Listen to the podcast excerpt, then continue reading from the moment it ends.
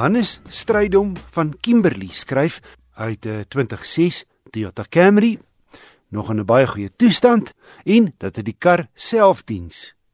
Hy vra: "Wat is die moets en moenies wanneer dit by die skoonmaak van die enjin kom?" Ek het ouer gewoonte gaan aanklop by Nicolou. Hy is die tegniese redakteur van die tydskrif Car.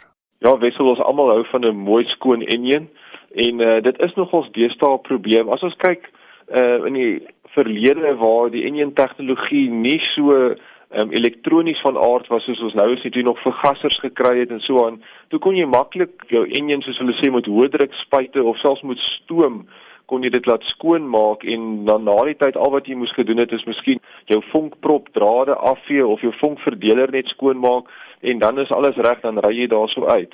Maar vandag se tegnologie wat hulle gebruik in die engines vereis soveel elektroniese komponente. As mens net kyk na die uh, engine beheerstelsel, daai rekenaar wat daar sit, het soveel koneksies wat na hom toe gaan en dan is daar omtrent 100 um, ehm, elektroniese sensors maklik op jou op jou engine self.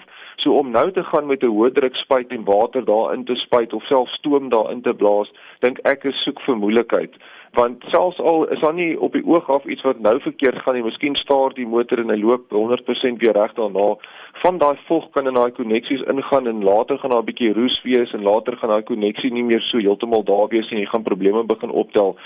So as 'n mens deesdae jou voertuig vat om die enjin te laat skoonmaak, sal ook sien daar's gewoonlik um, plakate of um, waarskuwings wat vir jou sal sê dis op eie risiko die, die plek waar dit skoonmaak vir um, geen verantwoordelikheid vir enige skade wat aangerig word deur hierdie enjin skoonmaak nie.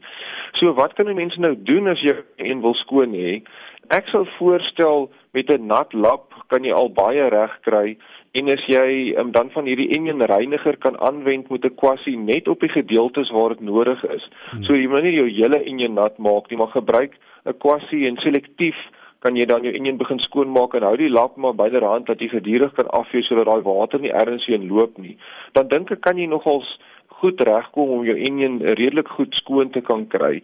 Daar is wel 'n nuwe tegnologie daar buite waar hulle droë ys gebruik uh, en in klein korreltjies wat hulle dan teen 'n hoë snelheid met lug teen jou enjin blaas en daai droë ys het dan ehm um, die eienskap dat hy hy klou die van die stofdeeltjies klou dan aan die droë ys vas en dan as dit afspring van die enjin dan vat hy dit saam en maak die enjin baie mooi skoon. En soos ons nou weet droë ys gaan van die soliede vorm na gasvorm, so daar's geen vloeistofvorm van droë ys nie. En in daai opsig dan is dit baie veilig vir elektroniese komponente omdat jy gaan nie dieselfde skade kry as wat jy dan met water ehm um, sal hê nie. Dan is hier 'n ou wat homself net as Willie bekend stel.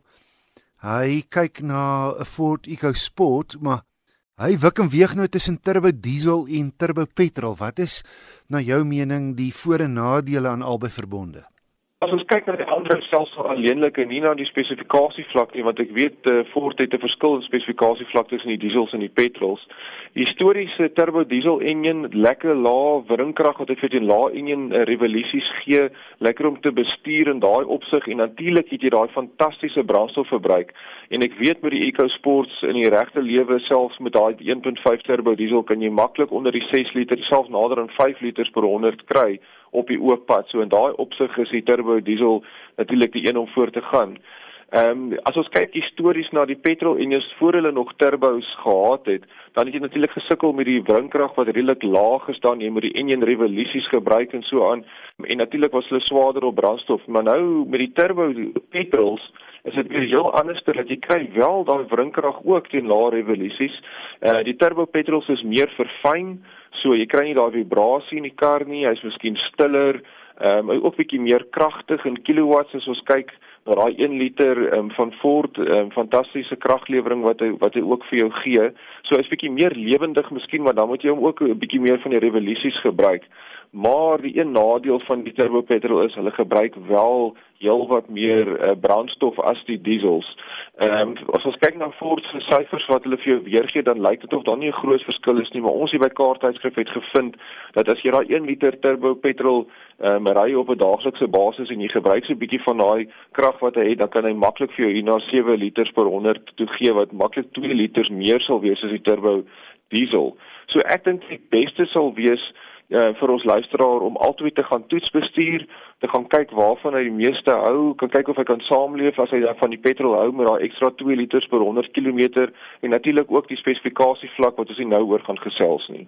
Nicolou, die tegniese redakteur van Kar. Moederverwante briewe kan aan my gerig word deur te e-pos na wissel by rsg.co.za.